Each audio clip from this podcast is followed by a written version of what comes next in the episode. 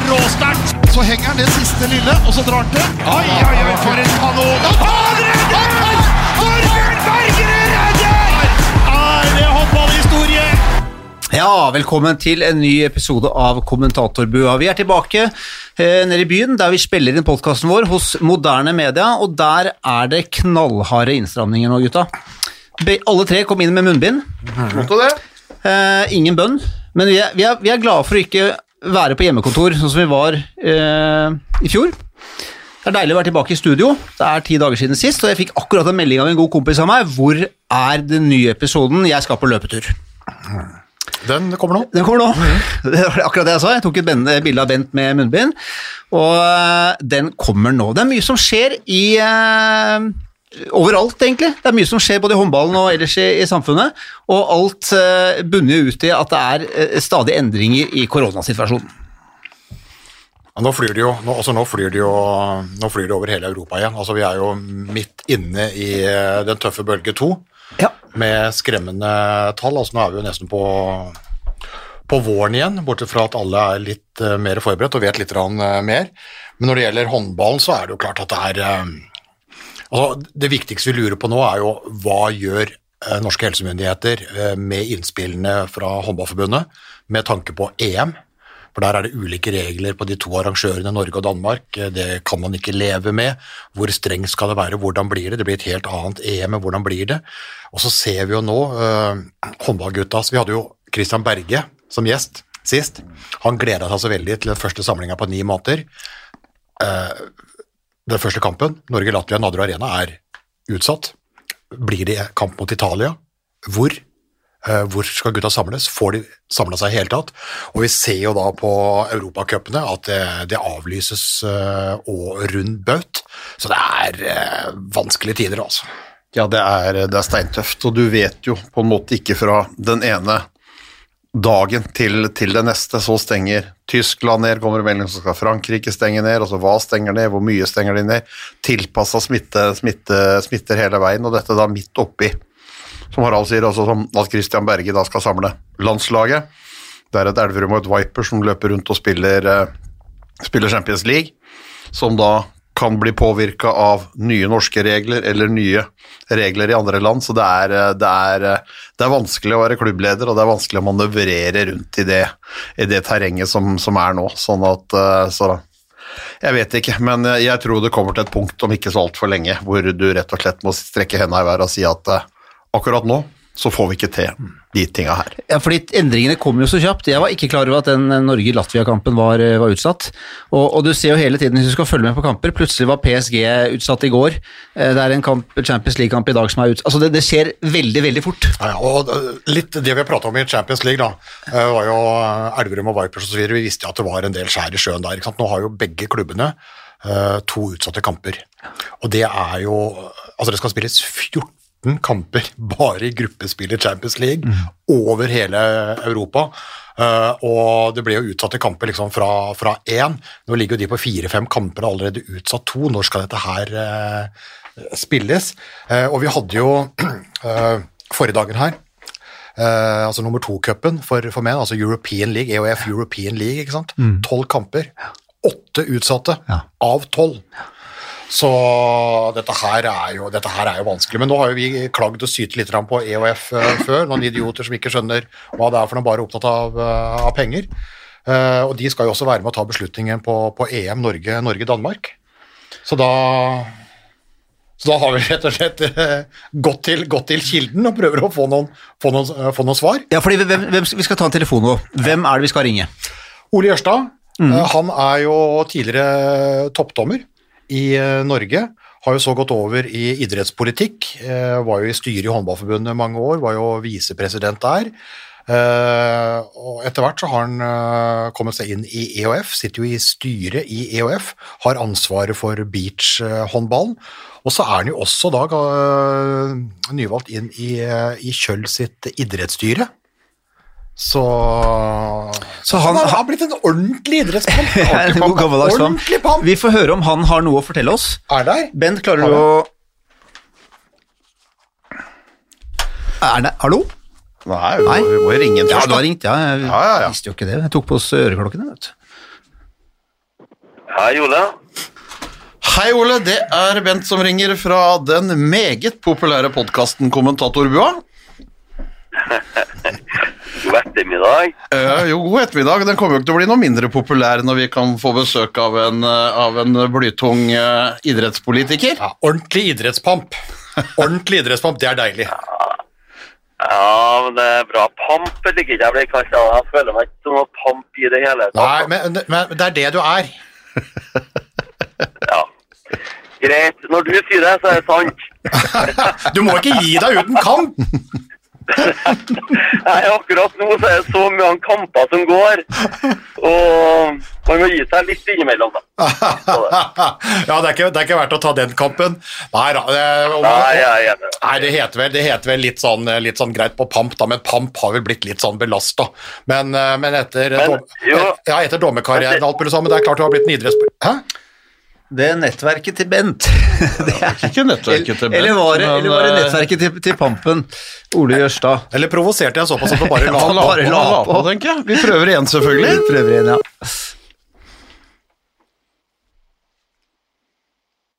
Da er vi der. Da prøver vi igjen. Du la ikke på i protest? Nei, nei, nei, overhodet ikke. Men jeg skulle komme i gang med en refleksjon. Det er jo at jeg begynte jo min håndballpolitiske eh, arbeid, eller karriere, kall det hva du vil, når jeg var 40. Og da ble jeg sett på som eh, altfor ung til å være håndballpolitiker. Mm. Eh, nasjonalt og internasjonalt. Og nå da, føler jeg at jeg har gått fra å være ung til å bli pamp. Det greier jeg like dårlig. Like Ja. utrolig dårlig. Ja, nei, men da, da retter jeg litt, jeg skal sminke like litt da, og si idrettspolitiker. Er det greit? Ja, det går bra. Kjør på. Og du er yngre enn Mustafa, da? Jeg er jo det. Ja, betydelig. Jeg er yngre enn eh, mange andre. Ja, yngre enn, det, yngre enn de fleste. Yngre enn de fleste. Ja, ja. Men du, det, det vi lurer på, Ole Jørstad, det er fint at du, at du tar deg tid til dette, for det er, det er travle tider. òg. Men alle sitter jo og venter spent nå. Hva skjer med, hva skjer med EM? Hva skjer med europacupene? Altså, hva skjer med kvalikkampene som, som håndballherrene og sånn skulle, skulle inn i? Sitter han helt på nåler nå og nesten gjemmer hodet under armen i, i EOF, du som sitter i styre og stell? Ja, øh, utgangspunktet, nå nevnte jo du tre turneringer. Uh, Europacupene, Champions League, kvalifiseringa og da euro var fire det var innom. Ja. Og sånn som situasjonen er akkurat nå, så har vi bare ett fokus. Det er å prøve å få gjennomført uh, så mange kamper som mulig. Og jeg synes i forhold til Champions League, da, så starta vi bra. Vi hadde jo en gjennomføringsprosent på et tidspunkt på over 80 Så vi starter jo bra, og så er ingen da, som har sett at økning i smitte skulle komme utover høsten. Eh, og det ble bare verre og verre. Frankrike, lockdown i går, sant ja. Mm. Og du sitter bare og venter på overraskelser. Men vi jobber faktaorientert. Vi kan ikke gjøre noe annet. Vi må bare altså Vi har jo folk som sitter og passer på 50 land. Og informasjon derfra hver dag. eneste vi kan agere på, det er det vi vet, og ikke det vi tror kan skje.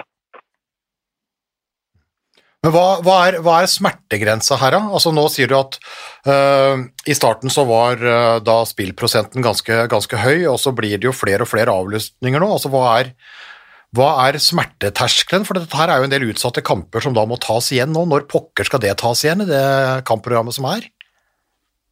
Ja, det er et utrolig godt spørsmål. I hvert fall på de kampene vi faktum da vet vi ikke kan gjennomføre, de flytter vi jo frem i tid. Det er jo ikke annet vi har holdt på med siste året, noe enn å flytte frem i tid. Og så får vi se hva fremtida bringer, da. Får vi til å gjennomføre, så skal vi gjennomføre. Er ikke mulig å gjennomføre, så blir det bare flytta på igjen eller kansellert. Så Sånn er situasjonen. Vi tar én kamp av gangen og teller opp til slutt. Er vi der nå, eller? Du kan gjerne si det sånn. Du kan gjerne si det sånn. Vi prøver å få det til. Vi gjør, vi gjør vårt aller, aller beste. Det sitter folk og jobber nesten døgnet rundt med det her. For å prøve å løse det til alles tilfredshet. Det er, men, det, er vi til Ja.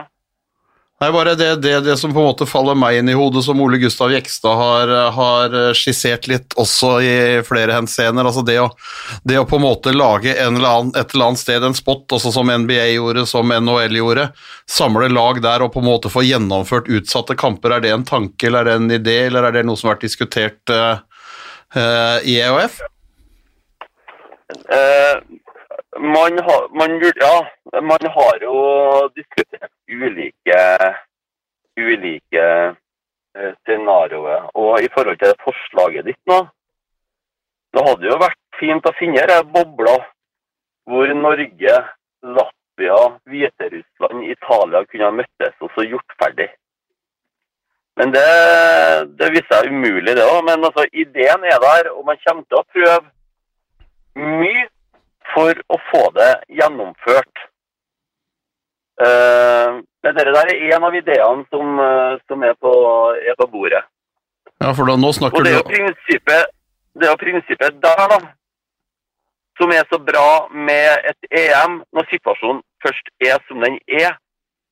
Da kommer de jo til ett sted, og der kan de være lengst mulig. Så enten altså fer de i Danmark til Trondheim og er hjemme og gjør opp om pokalen, og andre drar hjem. øh, eller man drar hjem, da, når de er slått ut. Så det er jo på en måte det beste med et mesterskap. Det at du får være på ett hotell, og så er det et veldig stramt regime. Så kommer de ned til kampen, kommer de hjem igjen. Det blir kjedelig, men øh, det er eneste måten å gjøre det på.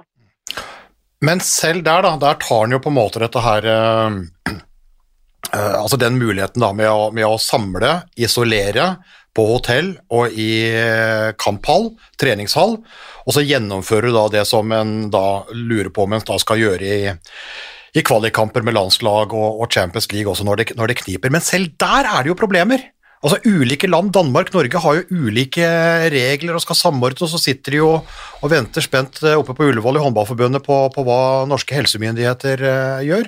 Altså hvordan, hvordan ser EOF på det opplegget som går nå? Det, altså EM er jo rett rundt hjørnet. Ja, men jeg vil nesten si vi, er, altså ikke EOF, vi. Og med vi da mener jeg EOF, og jeg mener Norges håndballforbund og det danske håndballforbundet. Vi ønsker jo selvfølgelig like konkurransevilkår. Og så ble det jo sånn da, at uh, myndighetene i Norge er strengere enn myndighetene i, i Danmark. Og så gjør jo da Norges Svømmeforbund uh, et, nå et kjempebra forsøk på å argumentere for uh, et eh, avvik eller et eh, unntak eller en eh, forslag da, til en protokoll som er så forsvarlig at vi kan få til eh, like konkurransevilkår. Og inntil vi fakta, med et faktum da, vet at vi har fått det til, så kommer, kommer partene til å jobbe for å få til det. Men om det er i morgen eller overmorgen, neste uke eller når det blir, det vet vi jo ikke. Men det jobbes. For eneste alternativet vårt eh, det er å jobbe med Norge og Danmark for å få det euroet her gjennomført sånn som vi ønsker det, og sånn som vi har planlagt det. Men er det noen som tenker at eh, i en sånn eh, pandemi som blusser opp igjen nå, så er det galskap å flytte en hel haug med ulike lag med ulike regler eh, selv inn på et eh, sted som er strengt? Ja. Men, men eh, det blir liksom sånn litt gjentagende for min del. For jeg skal ikke være den som blir med å spekulere i alternative løsninger. Nå jobber vi med ett mål for øye, det er å få det til eh, i Norge og Danmark sånn som vi ønsker det. Og jeg er helt sikker på at Norges Håndballforbund jobber eh, hardt og godt med det her, og det samme gjør eh, danskene. Ja, og det, og det, jo, og det er jo fint, og det er flott, syns jeg. At, at, og vi håper jo av hele vårt hjerte at det både skal bli arrangert i Norge og i Danmark, og at de greier å gjøre det. Men, men det er vel også altså Det nærmer seg jo med stormskritt, og det er vel det, det er jo viss om at dersom at jeg så Per Bertelsen var ute i danske medier og sa at uh, vi kan ikke ha ulike konkurranseting, vi kan arrangere begge gruppene. Det betyr at vi bruker to haller her i Danmark under like like forutsetninger for, for alle nasjonene, sånn at ikke det er, ikke det er, er, er en forskjell på det. Eh, når, når, er den smertegrensen, tror du, for at danskene skal kunne ta på seg både alt det rundt logistikk og det å greie å komme opp med en ny hall og gjøre det, det, det er vel ikke Vi har vel ikke uker på oss med det? Nei, vi har fremdeles uh, noe tid, men jeg tror rette, rette personene å spørre der må nesten være Kåre Geir og, og, Per og Morten Stig og Erik. Eh, for de er nærmest dette her. Og eh, det er dem som på en måte sammen med oss eier mesterskapet. Og inntil at, eh, at noe annet er bestemt, så er det de tre partene her som sammen skal organisere dette her. Og hvilke løsninger de kommer fram til til slutt. Det, det får både Per og Kåregeir være veldig førende for. Ja, for og så igjen, da, jeg, jeg, ønsker ikke å, å, spekulere i dette her. Det er garantert masse telefonsamtaler som skjer daglig, uten at styret i Det europeiske håndballforbundet er fullt oppdatert. og Det tror jeg er egentlig ganske bra. Ja, da nevner du eh, Men, ja. Ja. Nei, det, men det vi har gjort, da bare så at dere vet det, det har gjort internt til oss. I en sånn krisesituasjon, eller i en sånn krevende situasjon det egentlig er, så har vi selvfølgelig gitt uh, fullmakt til Michael, altså president videre her, uh, og på en måte gjøre dette her på best mulig måte for Norge, Danmark og Det europeiske matforbundet. Så han er jo ekstremt hands on. Men da nevner du jo de som er eh, på ballen i EOF, og da presidenten i to land og generalsekretæren i to land, og de, de jobber jo da med de smittevernmyndighetene, så dette her kom jo for en dag i løpet eh, av noen dager. Eh, men det jeg tenker på, da, det er, helt annet, det er jo bare helt sånn personlig, for jeg, jeg, jeg syns jeg kjenner igjen den derre danske håndballarrogansen da, i den, i, den, i den saken her. Fordi at det er to sett med regler.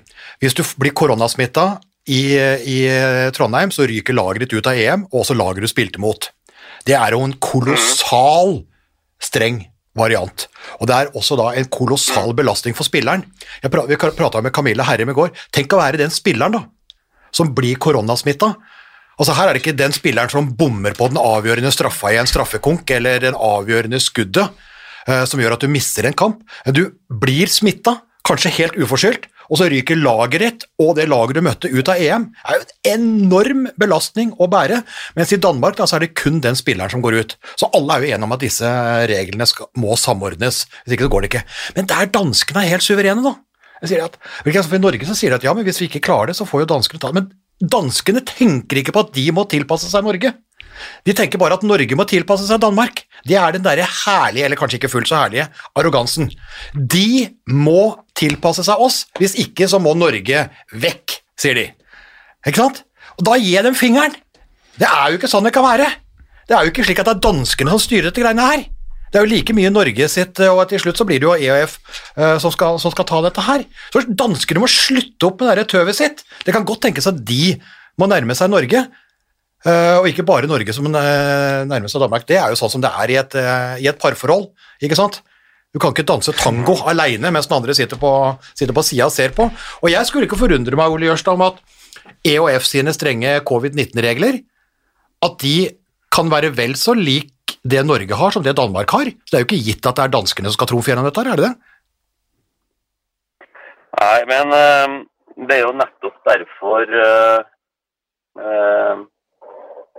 det jobbes for å på en måte få et likt sett av konkurranseregler i mesterskapet her. Eh, og det ønsker jo alle.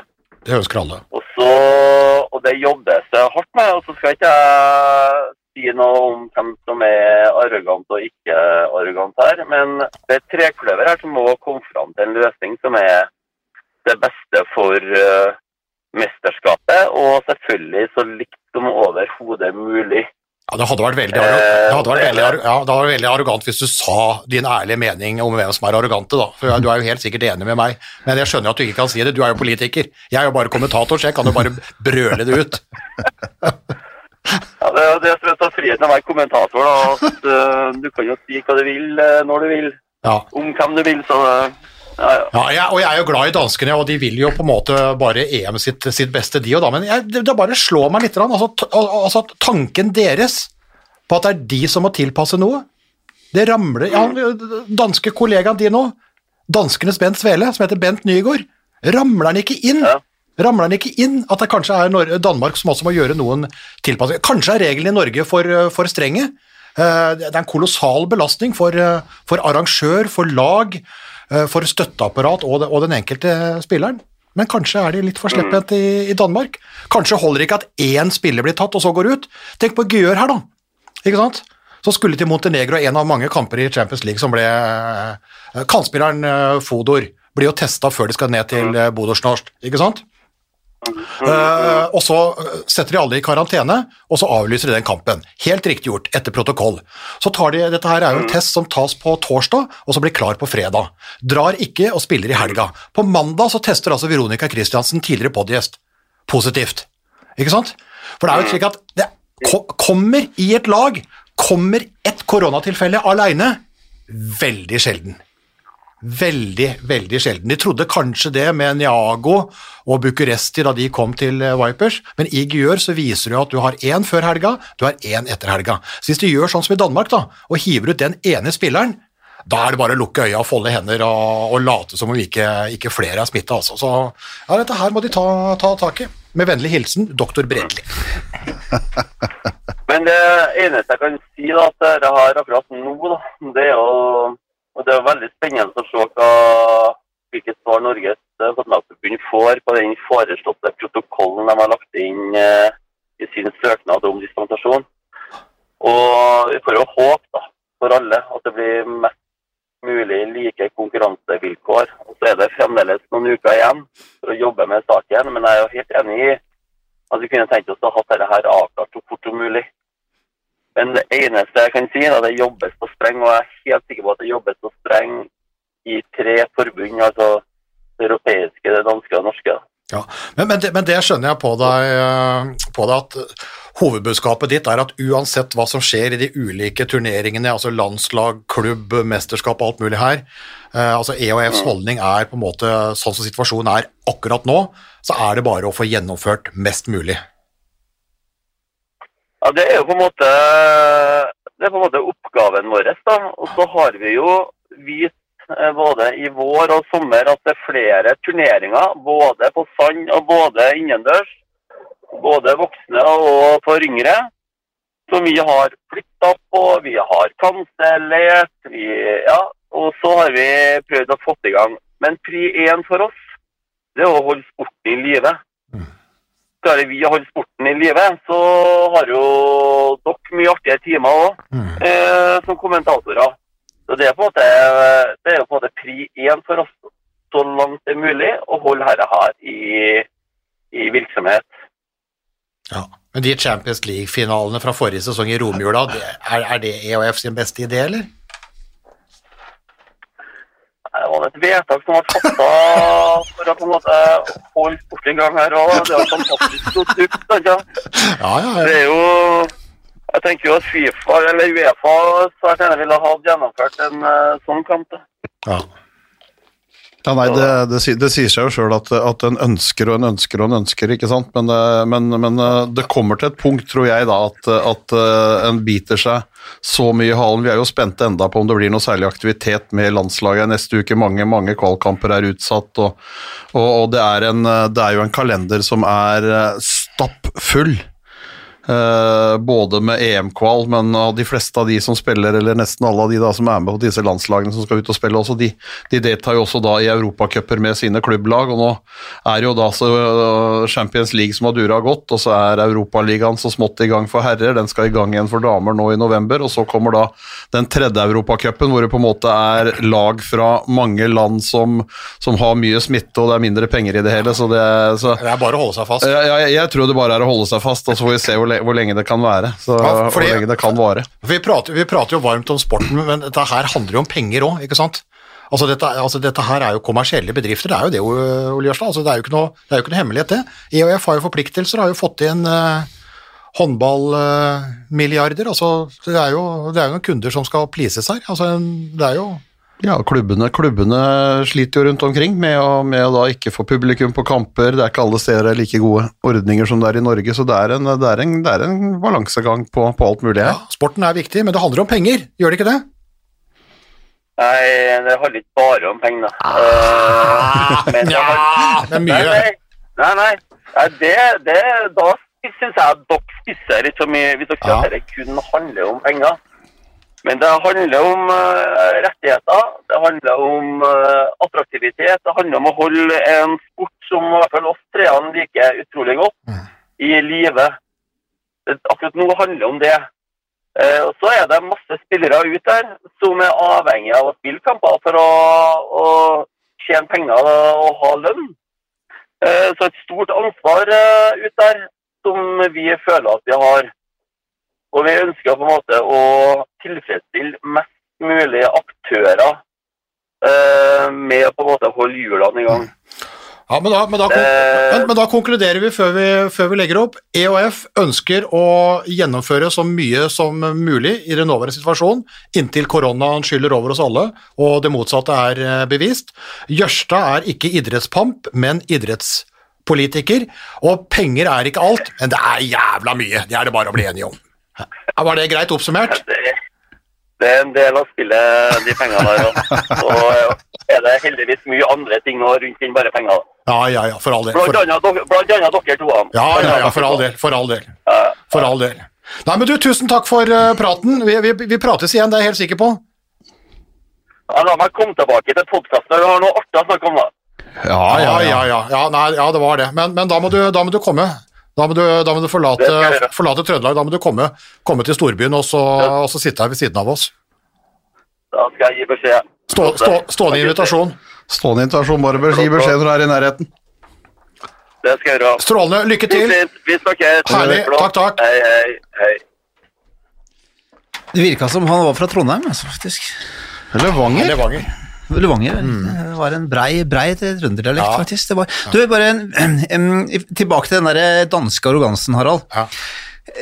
Men det blir jo litt sånn, det må jo lempes litt i Norge i forhold til det at hvis du skal ha altså, Det er som du sier, da, hvis laget en på laget blir smitta, så ryker det laget og motstanderlaget. Da er det jo ingen lag igjen, da. Nei, det er jo voldsomt. Men, men jeg, bare, jeg bare reagerer. Ja, men er det slik at det er Altså, alle sier ja, fordi at Norge har strengere regler, ja, så må det, så må det lempes i Norge. Ja, eller, eller må det Eller stramme, skal- eller kan må det strammes inn i? Danmark. Ja, men det, så, det jeg reagerer på, det er at danskene overhodet ikke reflekterer over at det kanskje er de som må gjøre noen tilpasninger. Jeg er jo enig i at de norske reglene er så strenge at jeg tror ikke det er mulig å gjennomføre det. For du, du, altså, du, du får noen helt absurde uh, varianter. Og det kan jo være da at hvis, uh, hvis Veronica Christiansen da blir, eh, blir smitta igjen, eller hvilket som helst annet, uh, og du drar med deg laget ditt og Frankrike i fallet, enten innledningsvis eller rett før, rett før et finalespill, slik at to Ja, ja, to av fire semifinalelag Er er ute pga. korona, så blir det jo helt absurd. Ikke sant? Altså Det blir jo komikveld. Så de reglene, men Det er jo det Håndballforbundet jobber med nå, mot helsemyndighetene, å få unntak fra de reglene, slik at norske regler kan lempes litt. For de er antageligvis for strenge til at det kan bli et EM. Og så er danskene for arrogante. Det er jeg enig i. Og så kan det godt tenkes at de danske reglene er for slepphendte, at bare én skal ut hvis du har koronasmitte i et lag. Det tror jeg kanskje er litt for uh, slepphendt, nå er ikke jeg eh, doktor. Men jeg bare, altså vi har jo levd med denne rivaliseringa med Danmark i så mange år, så jeg bare sitter der litt og lener meg litt tilbake og ser fader ulla, der kommer de der arrogante danskene igjen, altså. For de tenker ikke. Altså, Norge må tilpasse seg, Norge må ut. Vi er hos oss ja, men vi har det hele. Nå, for faen. Ja, men så kom så med den. Kom med jeg liker det ikke. Men, men det er jo også litt sånn skummelt dette her med Du nevnte også Veronica Christiansen, som var den eneste PT som var smittet i Gjør. Og du nevnte Du sa også det Ja, hun var jo nummer to. ja. Ja, eller nummer to, da. Hun var jo nummer to. Men, Fodor var først. ja, men så er det jo sånn at, som du også sa, Bent, at det er jo Du vet jo ikke dette med inkubasjonstid. Ikke sant? Du veit jo ikke hvem som er smitta når du testes. Eh, Og så- er det jo symptomfri, men, men, de, ja, hun var symptomfri, helt riktig. Hun hadde ikke symptomer. men, men der, der fanger de opp, da, fordi at de testes jo. Uh, ikke huet og ræva, det er jo i, i hodet. eh, nesa, uh, munn det og skjer. Og det skjer jo hele tida. De tester seg jo de tester Er det hver 72. time? Der, ja, eller de, de, ja, de tester seg jo Ja, bortimot, for de tester seg jo ut. Ja. Uh, altså ved utreise, ved innreise igjen. Så dette her går jo for de Champions League-laga, så er det jo, så er det jo et, et par ganger i uka, Ja. minst, ikke sant? Eh, hele veien, og så har de jo da frister på eh, ulike timer og, og dager rundt dette greiene der. Så der blir det jo blir det fanget Ja, opp. og det er jo og det, det er akkurat det de er spente på også i disse Champions League-klubbene i Norge nå. også Er fritidskarantene, vil den, vil den overleve? Så vil det være mulig, eller blir du tvunget inn i karantene når, med, med de nye reglene som, som kommer nå? Når du da har vært ute og så kommer du fra et rødt land, så skal du i utgangspunktet ti dager i karantene, og da er det jo ikke mulig for norske lag å gjennomføre Nei, Nei, nei det, det, det gjør det ikke, og det var jo derfor Vipers Rostov Don uh, ble avlyst her, ikke sant? fordi der er det ti dager begge veier, og det er jo ikke, det er jo ikke mulig uh, å gjennomføre. Og hvis da du tar myndighetenes nye strenge regler, og de kommer jo fordi at vi har sett at det er veldig mye importsmitte ved den arbeidsinnvandringa. Det er en stor del av den nye smitten i, i Norge. Så hvis du da skulle fulgt de nye reglene da, i EM i Trondheim, så kommer da Norge opp fra Intersport Cup i Bergen, og så kommer det sju andre lag i første omgang inn der. Fem av de sju i hvert fall kommer da fra uh, røde soner, og de skal da i utgangspunktet komme ti dager før for å kunne spille åpningskamp. Det er jo helt umulig. Mm. Da må du jo reise nå, hvert øyeblikk. Det er jo helt, eh, altså det er ikke mulig å gjennomføre. Eh, Så da må de, ha, må de ha unntak fra de eh, reglene der. Og så må du antageligvis ha unntak for den der hva skjer hvis du får eh, smitte. Fordi den, den, den norske metoden nå med å hive ut eh, to hele lag, eh, den får for store sportslige konsekvenser. Og alle er jo, men det er jo ingen diskusjon om at alle er jo enige om at når EM starter, hvis det starter, så må det være like regler i Norge og Danmark. Ja, det, det er Altså, det er alle enige om, og så spørs det da bare hvilke regler. Det er jo det de jobber med nå. Og der må helsemyndighetene si fra til håndballforbundet hva tolererer vi, eller hva kan vi godkjenne i Norge. Og så må da håndballforbundet her gå til det danske håndballforbundet og til Jørstad og EOF og si sånn er det i Norge, Eh, kan vi spille med det, eller skal vi gjøre noe annet? Ikke sant? Men vi er vel enige om at hvis det blir, hvis, altså hvis, hvis det blir sånn som det er nå, så kan, kan øh, det kan vel ikke arrangeres et, E- et EM-sluttspill hvis, hvis det er sånn at begge lagene ryker? Det, det går vel ikke?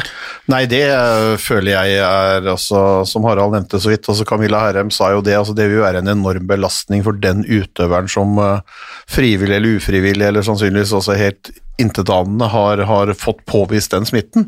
Og så tror jeg at når det kommer lag fra fjern og fra nær, hvor det, altså noen er nøye med testing, noen er mer slepphendte med testing, det så vi jo når FTC plutselig dukka opp i Kristiansand, og det var de hadde testa 72 timer før, og så ramla det inn tre spillere som plutselig hadde positive tester. Så, så, så, så det blir jo faktisk kanskje det mest spennende og springende punktet. Det er når laga kommer til Norge og skal teste for første gang. Fordi, Og da kan det kan hende at du må sende hjem sju nasjoner. Ja, Det er jo ikke slik at vi er liksom uh, verdens, uh, verdens beste, og alle andre er noen slabbedasker, men vi har uh, mest sannsynlig Europas strengeste regler, eh, PT. Det er andre land som, som stenger ned, har portforbud og har strengere regler innafor, men akkurat smittevernreglene sånn med inn- og utreise og karantener og alt mulig sånn, så er- ligger Norge helt i, helt i europatoppen på det. Uh, og det er klart, vi, det har vi jo sett, det har vi prata om i tidligere podder òg. når, vi, når, vi- når, vi- når vi satt og så på, på Rostov Don Krim, f.eks., og begge lag fikk jo smitte. Så I den hallen der så sier man at det er jo ikke mulig å unngå det. Og Det er jo samme som, samme som alle, alle sier nå, med den smitten som er i GU, og den som kommer rundt omkring. Altså, det, det må jo skje. Altså, altså, det er jo ikke mulig å unngå smitte der som, som ellers i samfunnet. For du er jo ikke isolert sånn som det i utgangspunktet skal være, være i Trondheim. da. Og den isolasjonen er jo en egen eh, Ja, den er, blir jo også en egen greie, for det blir jo, det blir jo, fengsels, det blir jo fengselsmesterskap. Altså EM i fengsel, eh, i tillegg til EM i, EM i håndball. Isolert på hotell, busses, strengt regime, inn til trening, inn til kamp. Uh, kanskje blir du kjørt i en park og lufta litt eh, underveis. Du er helt sperra, helt avsondra fra absolutt uh, alt annet. Og allikevel så vet du jo ikke, da, om det er en jævel som løper ut og lurer til seg noe, og så har du spredd Ja, du så jo, du så det skjedde jo i NBE, den der NBE-greia som du snakket om, Bent. Det var noen som hadde luska seg ut for å kjøpe mat, og det ble jo et helvete, ikke sant. Så det, Ja, så, så det engelske fotballandslaget er på Island og inviterer med to, to lokale pokaler og på rommet, ikke sant. Så det, er, så det, så det, så det blir, så de blir jo, de blir jo, de blir jo kasta ut, ikke sant. men men, det er- Men, men når du har åtte lag da, eh, fra alle mulige kulturer og tradisjoner og smittevernregler over, over hele Europa, ikke sant? du skal låse de inne i et bur der ja.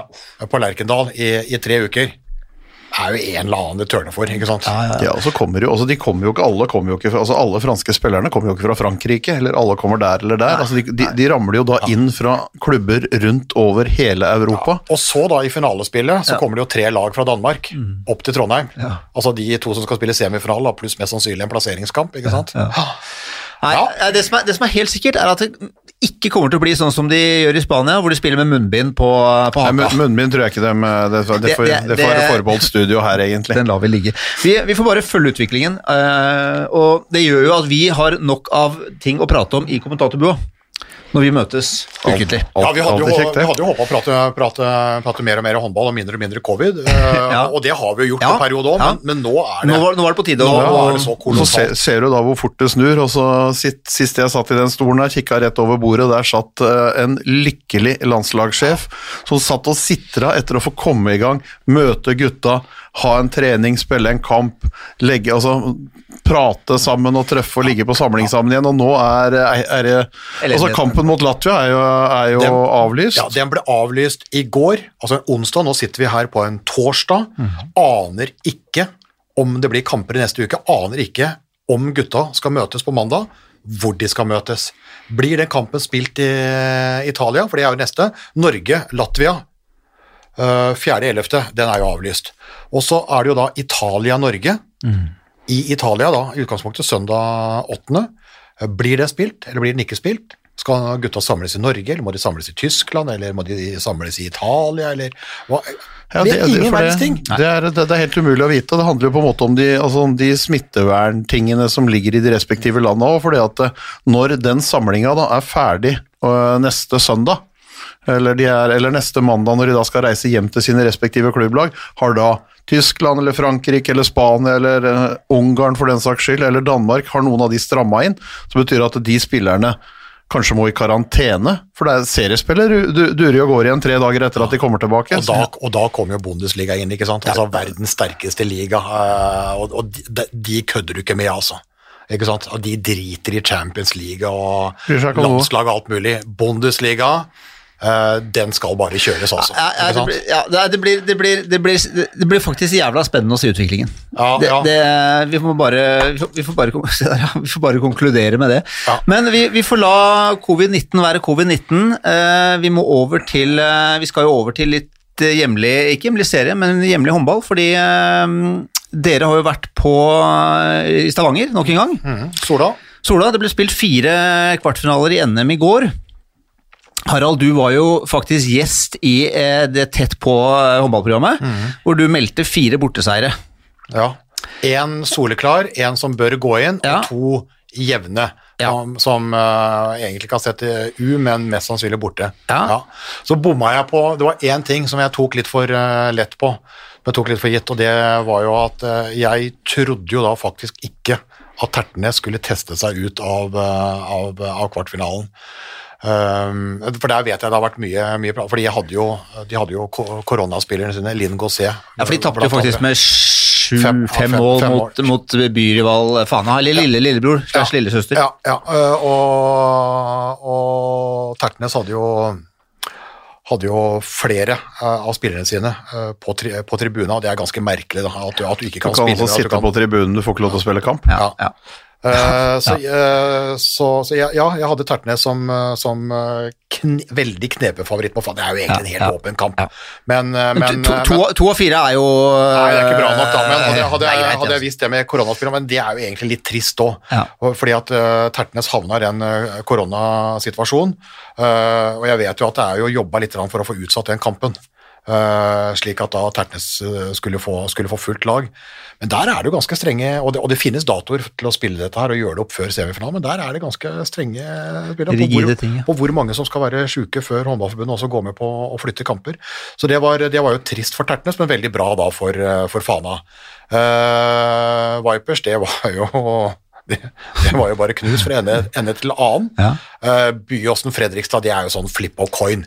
Men det var, det var synd Men- for Fredrikstad når de brenner straffe i siste sekund. da. ja, så, men det Det viser var jo Byåsen som brant straffe. Unnskyld, det var Byåsen som brant straffe i siste sekund. Takk. Der har vi, har vi en ekspert i studio. Ja, ja. Amatør og en ekspert. Kunne fått, Ja. kunne fått, eh, kunne fått ekstraomganger. Ja. Får, jo ikke, får jo ikke det, da, men der gikk jo da den ene tighte borteseieren min inn. Mm. Og så var jeg vel ganske komfortabel eh, sammen med Storhamar på, Mm. på Sola. Men uh, Steffen Stegavik, Camilla Herrem og Sola overrasker i serien. Strålende kvartfinale i cupen, en snuoperasjon. Ja, fordi det var jo- 21-12 i andre omgang. Den, den, I, den I første omgang jeg altså. så, jeg så kampen, og det var jo ingenting som tilsa at dette snur Sola. Nei, nei. Altså ingenting. Storhamar hadde tilsynelatende full kontroll, selv om vi vet at fire-fem mål er ikke mye håndball. Tilsynelatende full kontroll.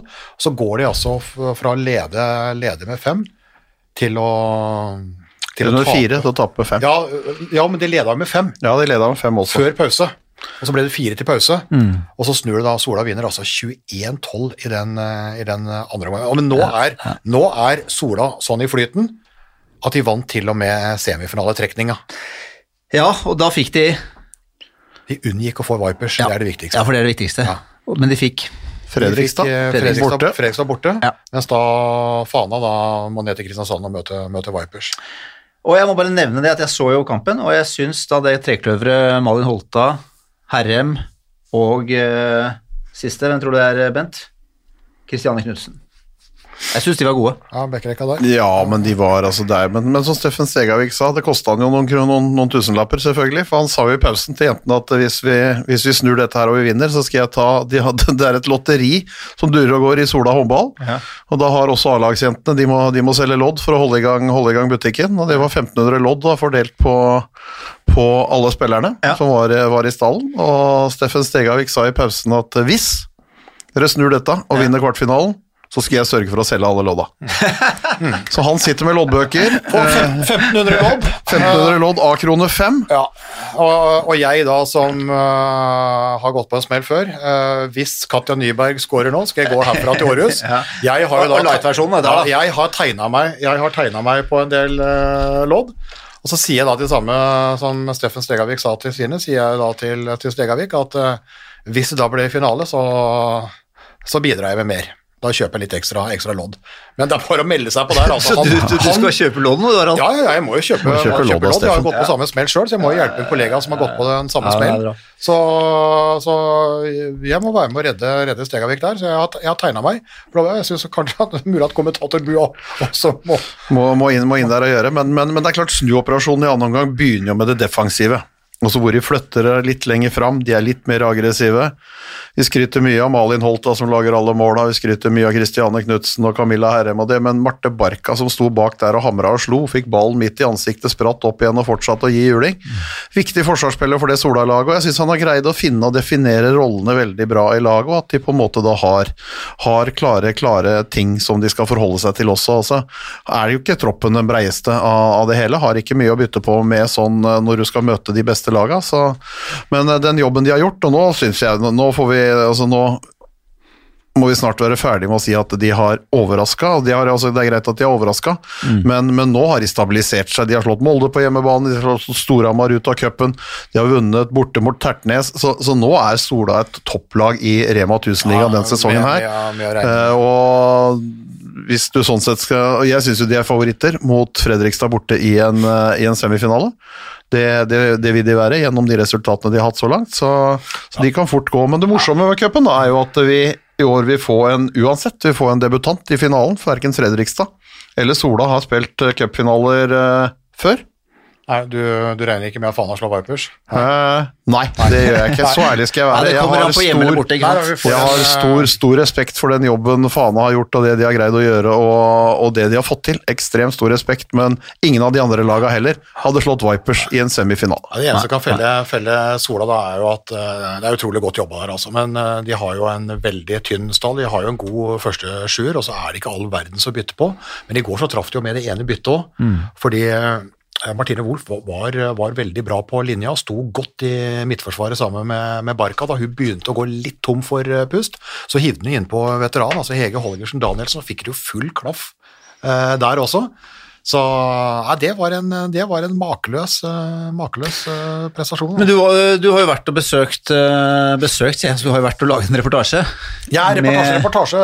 Du er jo altså venstrekanten. Ja, Venstrekanten til, til Sola med 250 landskamper. uh, har jo gitt ut bok. Uh, og har jo gått da litt sin, litt sin seiersgang her. Har jo vært eh, i Senkveld, har vært i God morgen Norge. Det har jo vært en del sånn uttak eh, på avis eh, også. Eh, så jeg møtte henne etter God morgen Norge-opptaket. eh, tidligere, tidligere i uka. Da. Uh, og så er det jo ganske mye uh, mange som vil prate da om, om forholdet til Carlotto, faren, som, som da gikk, uh, gikk bort i, i fjor, som var veldig, veldig tett på, på Camilla, de to, far og datter. Og så var jeg også interessert i å høre om et par, eh, par andre ting, da. ja så bra. Blant annet sånn Hvorfor pokker? Hvorfor pokker skal du gi ut en bok? Men det var jo, jeg må si det, jeg så reportasje på TV 2, du fikk jo den der når den boka sto da sammen med noen sånne bøker om noen konger og noe øh, Du fikk den øh, Ja, Kan altså- du ta den introen en gang til, Harald? Nei, men- nei, nei, nei, altså Nordli, Nordli er jo en Ja. ganske, ganske stor bokhandler her, så det er klart når du har den der store plakaten der sånn, med fire bøker, nå husker jeg ikke den fjerde, men det var oppe, oppe da på motsatt kant da, av, av Herrem. Eh, På høyre kant så var Camilla Herrem, på venstre kant var Drillo, Ja. nede på venstre bekk var eh, Hans Majestet, kong Harald, og så husker jeg ikke hvem som hadde høyre bekken, men det var jo... Det var topptungt. Det var topptungt. Ja, det var, eh, det var eh, dronningen, da, eller bokprinsessen, eh, blant konger, altså. Men du har redigert inn en liten snutt. Tatt ut, tatt ut noen minutter så vi kan høre på, og, og, og, og spørs, åpningsspørsmålet er jo der. Altså, hvorfor, altså, hvorfor i all verden skal du Hvorfor kommer du med bok? Det var litt merkelig, for jeg tenkte jo liksom sånn, jeg, altså, sånn Hvor interessant uh, er dette her? Altså for andre. Uh, det er jo på en måte Jeg kan jo si på en måte hva jeg har vært gjennom og sånn òg, men, uh, men det er jo veldig mye håndball. da. Og, og litt hvordan man har takla de forskjellige tingene og, og sånn. Men det er jo for på en måte òg spesielt interesserte. Mm. som er på en måte det, Som sagt så blir det mye håndball.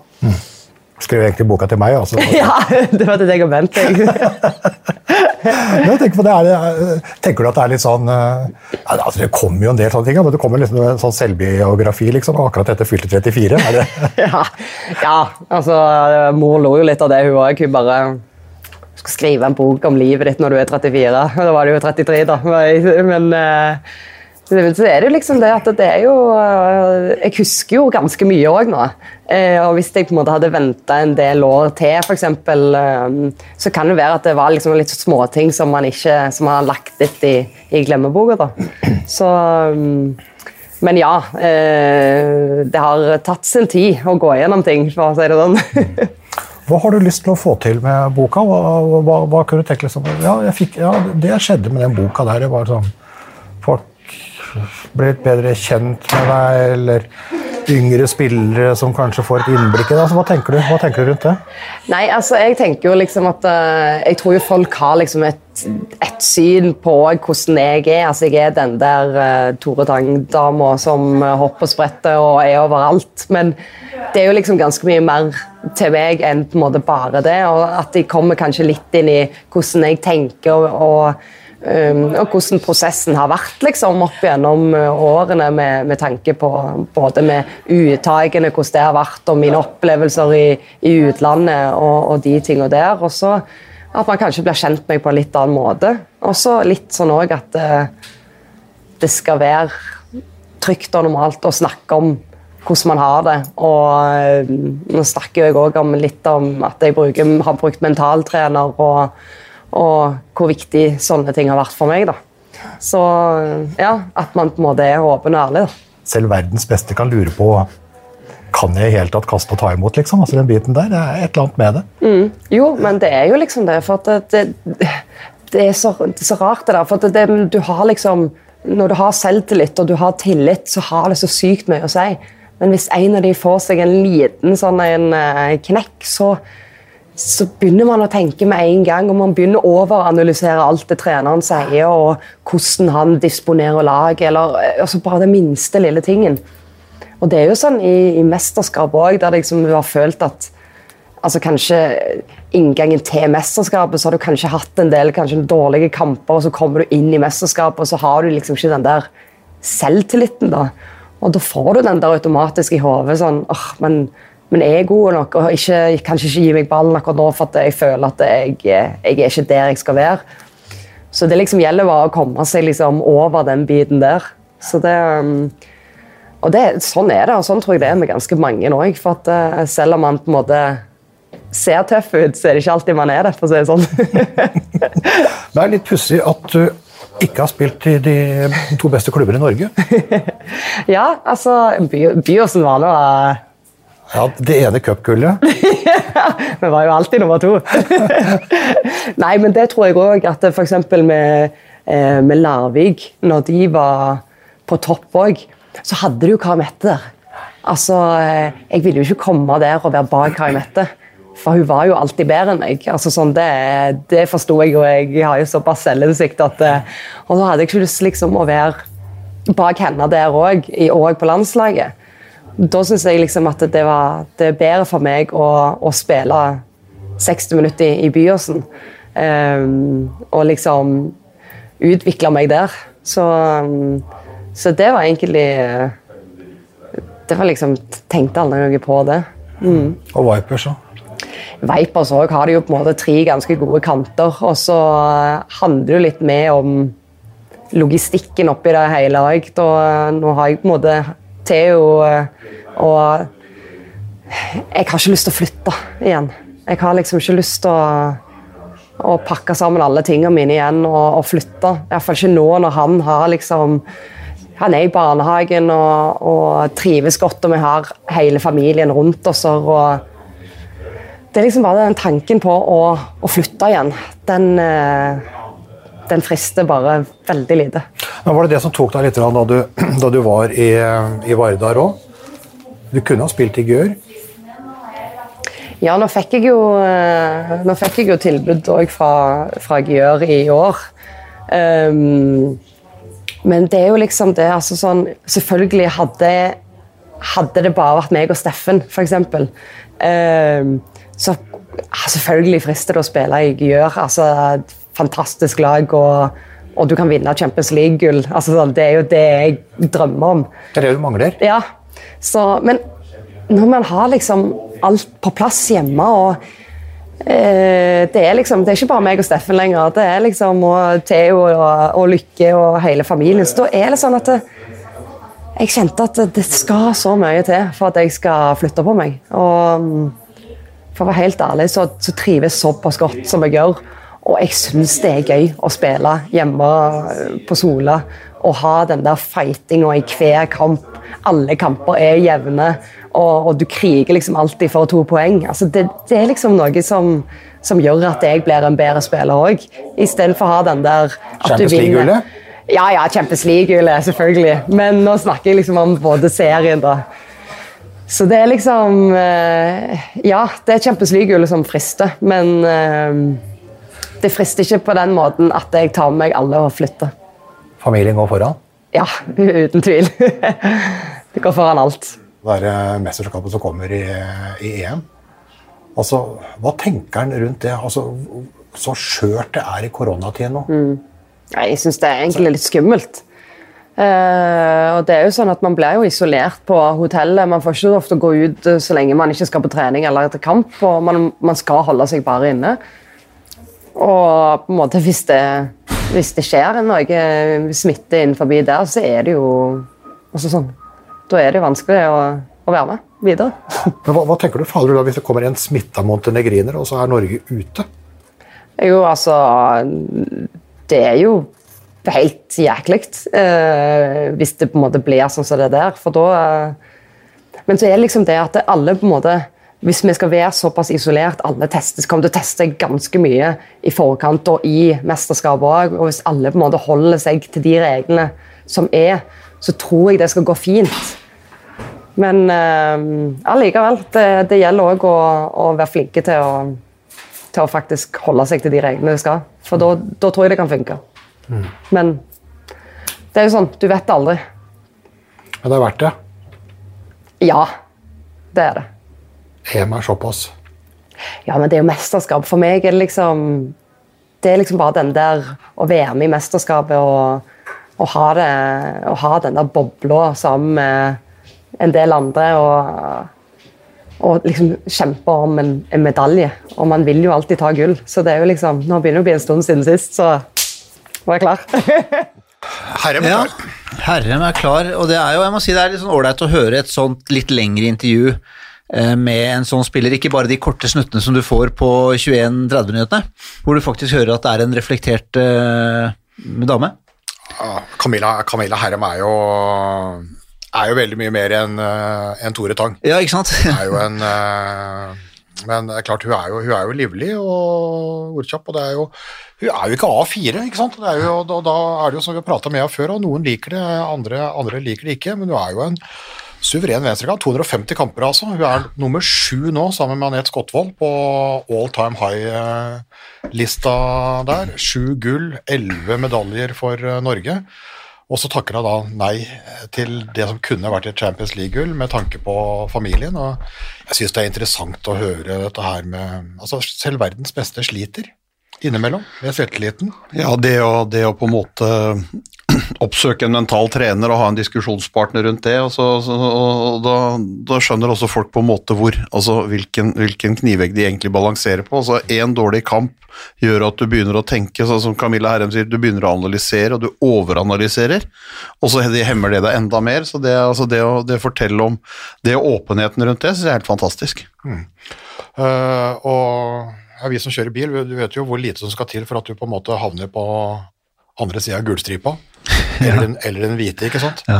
Og sånn, her er det jo på, på egget, for å holde riktig fil, så er det jo helt på, på håret, på håret hele, hele tida. Så jeg synes, eh, nei, jeg har veldig, veldig sans for Camilla. Jeg leste jo, jeg leste jo gjennom boka. Hun lurte selvfølgelig på hva jeg syns, jeg var jo ganske ærlig. En god del ting så er ganske sånn resuméaktig, da. Eh, Så jeg ville jo gjerne hatt at jeg gikk litt i dybden på enkelte ting, og utdypa noe, kanskje kutta ut noe, og så, og så brukte den tida på å utdype, utdype noe. Så der røyk, der røyk sekseren. Eh, Så også der røyk eh, på, på, på noe, noe annet sånn resuméstyr, så røyk også femmeren, men jeg gir da terningkast fire, da. I kommentatorbuas nye bok, eh, Bokbad. anmeldelsesspalte. En god fire, fordi at eh, jeg har jo vært med på veldig mye. altså Jeg husker jo da hun kom på landslaget første gang, altså om det er tilbake til 2006 eller første mesterskap i 2008, og vært med på hele karrieren hennes, så vet du kanskje mer enn en, enn- enn gjennomsnittet. Likevel så fant jeg en del nye, nye ting der, eh, og morsomt å, å rekapitulere. Og jeg tror en del andre da, som, som kjenner til det mindre, kan ha, kan ha glede og nytte av å, av av å lese gjennom en eh, toppidrettsutøvers eh, liv. Så ja, Nei, jeg, jeg, jeg jeg, må, jeg må si at sånne biografier fra toppidrettsutøvere er veldig spennende. Jeg har lest Klaus Lundekvam sin, som var litt hakket ut, mer ute å kjøre enn Camille Herrem, men likevel det er det er veldig interessant å, å høre, og du kjenner deg igjen i situasjoner, kamper du har eh, sett, ikke sant, at du leser om dette her, så det Litt, mer, litt mer å kjøre var et understatement. ja, ikke sant, det var hakket mer ute å kjøre, men, men likevel en biografi. Eh, Bent, uh, var det, hadde dere psykologhjelp i uh, familiens ære? Nei, trengte ikke det. Var ikke noe, var ikke noe behov for det? Overhodet ikke. Vi hadde kiropraktor, han hadde vi mye bruk for. Jeg tror det var betraktelig viktigere at kiropraktoren var der, enn at vi hadde hatt en psykolog, psykolog der. i dag, vi skriver jo torsdag i dag, eh, forrige episode var på fredag, og ting begynner jo å stabilisere seg, det var på Ullevål stadion. Og eh, var det noe spesielt du la merke til i denne episoden, Harald? Eh, ja, altså Familien øh, min er jo i heiagjengen, så vi hadde jo da nyskårne tulipaner. Uh, hadde, hadde norske flagg ja. på stuebordet, napoleonskake og nytrakta kaffe, og satte oss ned her. Og så kommer altså da en av mine aller beste venner, og klarer ikke å holde Jeg kan ta imot. balansen Jo, han klarer å ta imot, men han klarer ikke å holde balansen. Og- og det- det, første, det første kastet Ja. uh, Nå sitter jeg og ser på den siste uh, NFL-draften i Allboys-ligaen, eh, og Bent er ikke der. Jeg håper Petter Thoresen er der.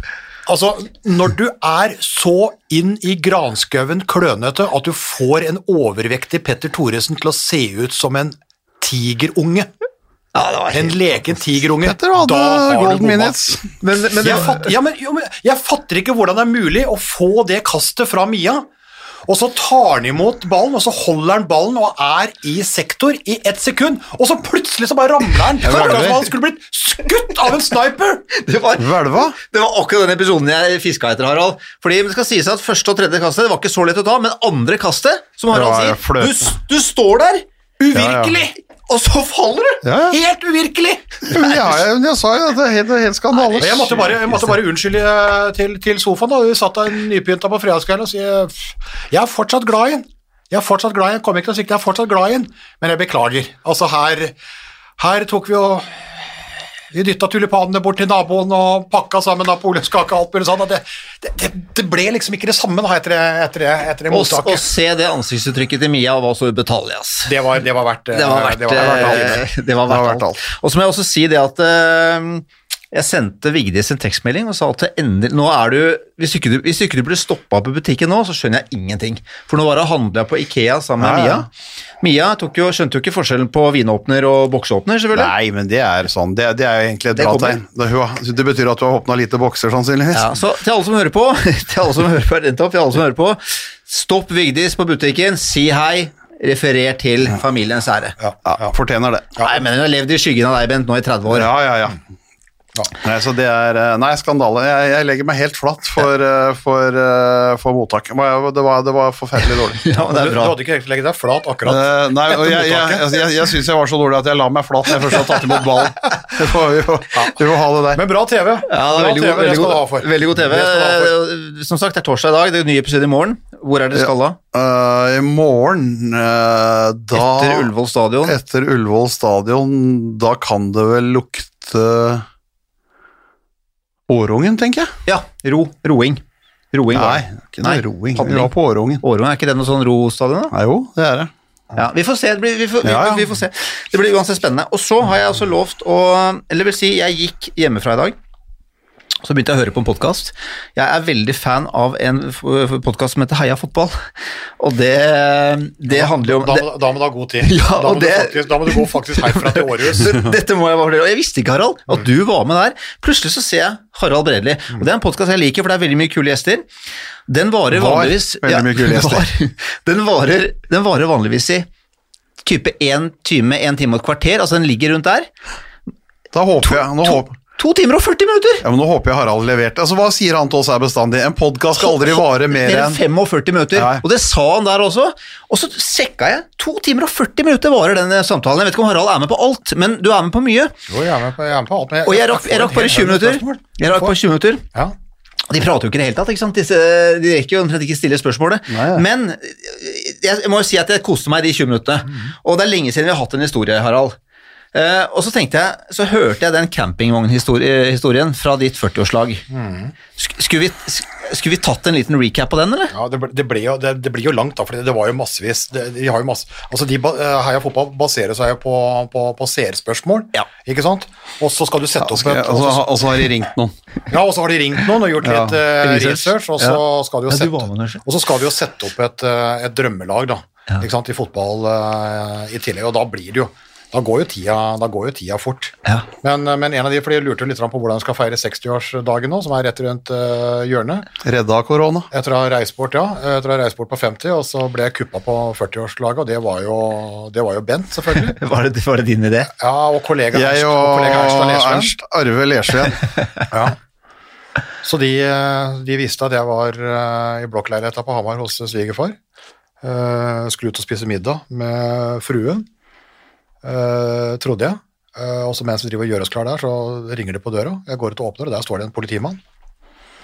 eh, Som da sier at eh, campingvogna mi står eh, feilparkert ute i gata. Eh, Og er det én ting jeg ikke hater, men er livredd, så er det campingvogn. Altså Det er det siste altså, eh, Jeg har full respekt for folk som trives i campingvogn, som er på camping. Det er mitt mareritt. Altså, Campingvogn er det verste jeg vet. Altså, Det er ikke noe for meg. Det må gjerne være noe for deg og deg og alle andre. Jeg skjønner at det går an å kose seg. Det er ikke noe for meg. Jeg har ikke, jeg har ikke hengerfeste engang på bilen, for jeg er livredd for å måtte få en campingvogn. Så jeg sier jeg har ikke noe campingvogn, så sier jeg ja, men den står på deg, og så går jeg til kjøkken, altså, så ser jeg ut, og der står det campingvogn ute ute i gata. «Øh, Og du må bli med meg, sier han. Jeg blir jo med han. Det er jo selvfølgelig en på Hamar-politiet. Han er ordentlig politimann. Ant, ante du uro? Eh, Trodde du det var tull? nei, men jeg tror ikke men det er jo, Nei, jeg skjønte ikke da at det var noen sånn 40-årslagsgreier, da, men jeg lurer på hva pokker er dette her? For det var en ordentlig purk. Men det var jo da selvfølgelig bare en kompis av eh, Ben som jobber på politikammeret på Hamar. Så går jeg ut i gata, øh, og der står jo campingvogna, ikke sant? Så jeg stikker bort, jeg har jo ikke noe campingvogn. Og så åpner jeg bare døra, og der er det ja, vill fest. Så der er det slivo, dårlig brennevin, det er pølser, det er bløtkake, og det er ordentlig Er det Slivo der òg, eller? ja, ja, Selvfølgelig. Ja, og det er ordentlig overraskelsesselskap, og det var hyggelig. Der har de holdt på i dager og kosa seg glugg, så de har altså fått tak i ei vogn uh, fra en forhandler på Kløfta, uh, der Ivar Hoff eh, har en kompis som selger campingvogner, så der har de vært da, og fått en sånn uh, campingvogn. Ja, tidenes det. Altså, det er den ti altså, jeg har aldri ledd så mye når jeg har kjørt bil noen gang. Vi kjørte til Elverum, jeg og Ernst, og henta den vogna. Der møtte vi Ivar og han kompisen. Så hekta vi den bak på bilen. Så kjørte vi fra Elverum til Hamar med den campingvogna bak. Ja, helt Ja, og sto, og sto i gata utafor blokka til, til, til svigerfar og lånt eh, strøm der og alt mulig, så vi hadde jo et ordentlig godt vorspiel inni den vogna. Det var sabla trivelig. Det var flere kolleger der. Tor Eggen husker jeg var ja. Tor- var- gode gamle Tor Eggen? Ja, ja, ja. Så det var, eh, det var mye, da. Så på et eller annet tidspunkt så fant de gutta at nå skal vi markere 40-åring ordentlig, så de begynte da midt inne i blokkene der og så begynte å fyre opp fyrverkeri. da var det dårlig stemning. Det var ikke én balkong hvor det ikke var, ikke var et sint, gråhåra hue, ikke sant? Uh, og så var det da Hei, hvis dere ikke flytter dere nå, så ringer vi politi! Ikke sant? Så da skjønte vi at ah, kanskje, kanskje greit nå, og så ringer jo da han kollegaen på kammeret sier at nå kommer det en del sinte telefoner inn her, så det er fint hvis dere pakker sammen og, og tar festen videre. Så da, før vi ble på en måte liksom kjeppjaga da, med campingvogna, så, så pakka vi oss sammen, og så dro vi på byen og hadde en ordentlig, ordentlig trivelig kveld. Så våkner jeg opp om morgenen etterpå, og der står fortsatt campingvogna. Og så ringer jeg da til Bent og Ernst sant, og sier at uh, kjempeartig kveld, uh, men uh, nå står faktisk den campingvogna feilparkert. Så hva gjør vi med den? Den er din. Det er din 40-årsgave. og jeg hadde jo da bil, men ikke, ikke hengefeste, så måtte jeg få en kompis da, til å dra den inn på gårdsplassen sin. Og så fikk jeg en svoger som bor på en gård ute i Ringsaker, til å ta den på låven der. Eh, og der tenkte jeg jo da at eh, Altså Jeg tenkte jo ikke på bruker sjøl, men jeg tenkte kanskje kan jeg selge den, og så kan jeg be inn til et etterpålag, og så kan vi drikke opp penga. Det var jo en god idé, men jeg er jo så treig, ikke sant? jeg får jo aldri ut fingeren på noen verdens ting. altså Den ble jo stående der. Så kom det noen som skulle se, det kom en potensiell kjøper da, og skulle se på den vogna. Men da hadde jo ikke jeg fått gjort noen verdens ting med den. Så når de lukka opp døra til den vogna der, så var det jo fortsatt krem fra bløtkaka og sliv og pølsefett og alt mulig. Så han bare klinte igjen, og så dro av gårde. Og så, så gikk det jo en god stund, han ble bare stående der, og så var han lurte på liksom, hva skal vi gjøre med den, og til slutt så jeg vet ikke om han ble litt, litt lei vogna, så han ga, ga den til en polakk. Så jeg tipper at den vogna nå står i, står i Svinucci. Eh, så det var jo den, eh, det var jo den uh, historien. Men det ble en Hvis, hvis, sånn hvis noen kjører gjennom, eh, kjører gjennom i Polen der og ser ei, eh, ei hvit campingvogn hvor det står Glåmdalen karavanklubb med et svært klistremerke bakpå, så er det vogna på til Harald. Kan, den, kan så de er ta med den hjem? så er det 40-årsgaven uh, gaven min. Det er 20 år siden. Jeg er imponert hvis den vogna fortsatt lever, altså. Det er eh, Ja, det var godt holdt, det var godt holdt. Ja, ja, den hadde jo den hadde Mulig de har bytta gass en gang inn. Ja, den hadde jo overlevd, det var 20 år, så den tror jeg fort eh, tok, det- tok kjørt. Bortsett fra, bortsett fra du måtte gjøre noe med den senga som Tor Eggen, eh, Tor Eggen hoppa i. Den, den var litt slakk etterpå. Ja, Tor Eggen, det er lenge siden jeg hørte fra Tor Eggen. Altså.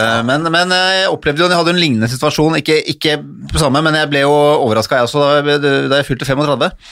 For da fikk jeg en undulat til eh, bursdagen min. Ikke sant? Eh, Ikke noe sånn, ikke noe sånn lite bur, det var sånn megabur. Og liksom, her er den. Det, ja, hva skal jeg Nei, det er din. Ja. Så den uh, fikk jeg liksom uh, lånt ut noen uker til en person, og så fikk jeg lånt den liksom, hva, hva gjør jeg med undulaten? Så endte det til slutt med at vi sendte den, jeg og en kompis, vi sendte den opp i en taxi til uh, kommunikasjonsdirektøren i Telia, som heter Camilla Johnsen, eller Camilla Forberg. Hun var da i selskap til eh, Kjetil André Aamodt, eh, og, og taxisjåføren leverte denne undulaten til Camilla. Og det var da Camilla som måtte også betale taxien, så det er klart at den gikk på rundgang. Og så ble den levert i en dyrehage, da. Til de som hører på nå, så ble ikke det noe Men den ble behandla bra.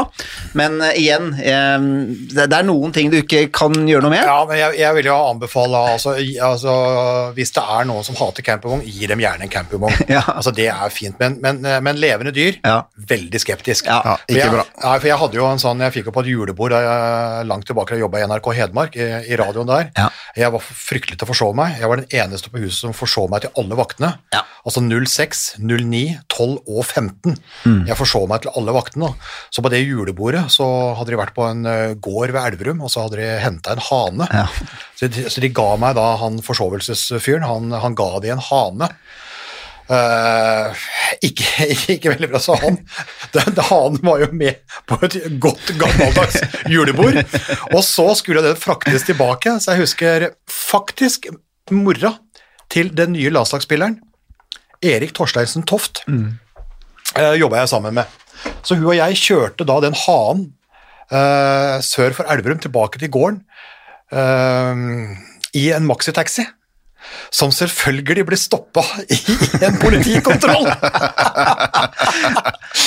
og som da lurte på hva i helvete, ikke sant? For der var det jo fullt uh, festantrekk og en levende hane i bur og en taxisjåfør. Så de lurte jo på hva inntil de da skjønte det greiene der. Ja. Men allerede da begynte jo hanen å få kammen vel mye på skakke. Kom jo da ned tilbake til gården, og den historien endte ikke like bra som den med undulaten. Ja, for undulaten klarte seg veldig bra, men Den, hanen den, den, eh, den hanen den eh, gikk to dager, og så hadde den gjort unna sin siste høne. ja, ikke sant. Ok. Så, så gi, gi gjerne en campingvogn, ja, ikke, ikke levende Ikke, dyr. ikke med mindre du gir, gir unga en, eh, en, en, en kattunge eller en hundevalp som Ja. du på en måte liksom Ja, de er, det er innafor. Ja, jeg er helt enig. Men vi får, eh, jeg skal følge med videre på den podkasten. Som sagt, jeg rakk bare å høre i 20 minutter. Ja, det er, det er mange gode historier. der. Det var, Ja. veldig, det var, det var veldig trivelig. Det var masse spørsmål, og det ble jo da masse historier. og fikk Ja. jo gravd voldsomt inn der, og, og drømmelaget mitt er jeg veldig godt fornøyd med. Ja, men det kan, vi, det kan vi snakke om litt ja. neste gang, for da kan vi referere til den podden, i og med at det er blitt veldig mye håndball, og det er bra, men det er blitt lite utenom eh, sportslig. Da kan vi heller ta noe på slutten. Ja, Det er deilig, det. Eh, mens vi har snakka, så har vi faktisk fått en eh, Vi har en eh, fan, og det mener jeg fan, altså en som heter Evy Katrine Netland. Er det navn dere kjenner? Nei. Hun eh, applauderer stadig vekk, kommer med innspill osv., og, så og nå har han sendt 'Når kommer ny pod'? Nå, Nok en gang. Nå kan du svare. Den kommer nå nå. er den snart slutt, da, men uh, Evy Katrine, Ja, den er her nå. ja. Men vi er ferdige nå. Vi har Det eh, Haralds 45 minutter. Den, uh, som han sa i den uh, poden, vi ryker hver gang. Ryker vi ryker i dag også. Ja. Men i dag så hadde vi i hvert fall et, eh, hadde mye bra innhold. Eh, Vi har nok en gang en ambisjon, som eh, Men vi har alltid, vi har alltid en ambisjon, Alltid en ambisjon. om å komme tilbake neste uke. Når vites ikke. Det kommer an på kalenderen til eh, s- altså, Ja, Bent, men det er jo Harald som er den vi må Han er tross alt prosjektleder. Prosjektleder, helt enig. Eh, har dere noe lyst til å si noe avslutningsvis? Nei, det er ikke så for veldig mye mer å si. Vi, har, vi får krysse fingrene. Følg covid-19-direktivene hvis dere ønsker å se håndball og live idrett og Ja. de tinga der, så ikke landet blir stengt ned. Vi trenger det. Det tror jeg er eh, det viktigste budskapet i disse tider. Ja. Jeg har prata meg tom i to podder denne uka, her, så jeg er godt forsynt nå. Og, og det der TV-programmet. Så, men vi, vi, som alltid, følg oss gjerne på Instagram. Vi, øh, og ikke minst øh, rate oss fem stjerner, og legg gjerne en kommentar hvis dere ønsker det på, på iTunes. Det syns vi er veldig hyggelig. Så inntil da, vi ses neste gang. Oi, oi, oi, oi, oi. Det er råsterkt. Så henger han det siste lille, og så drar han til. Oi, oi, oi, for en kanon. Og tar! Torgeir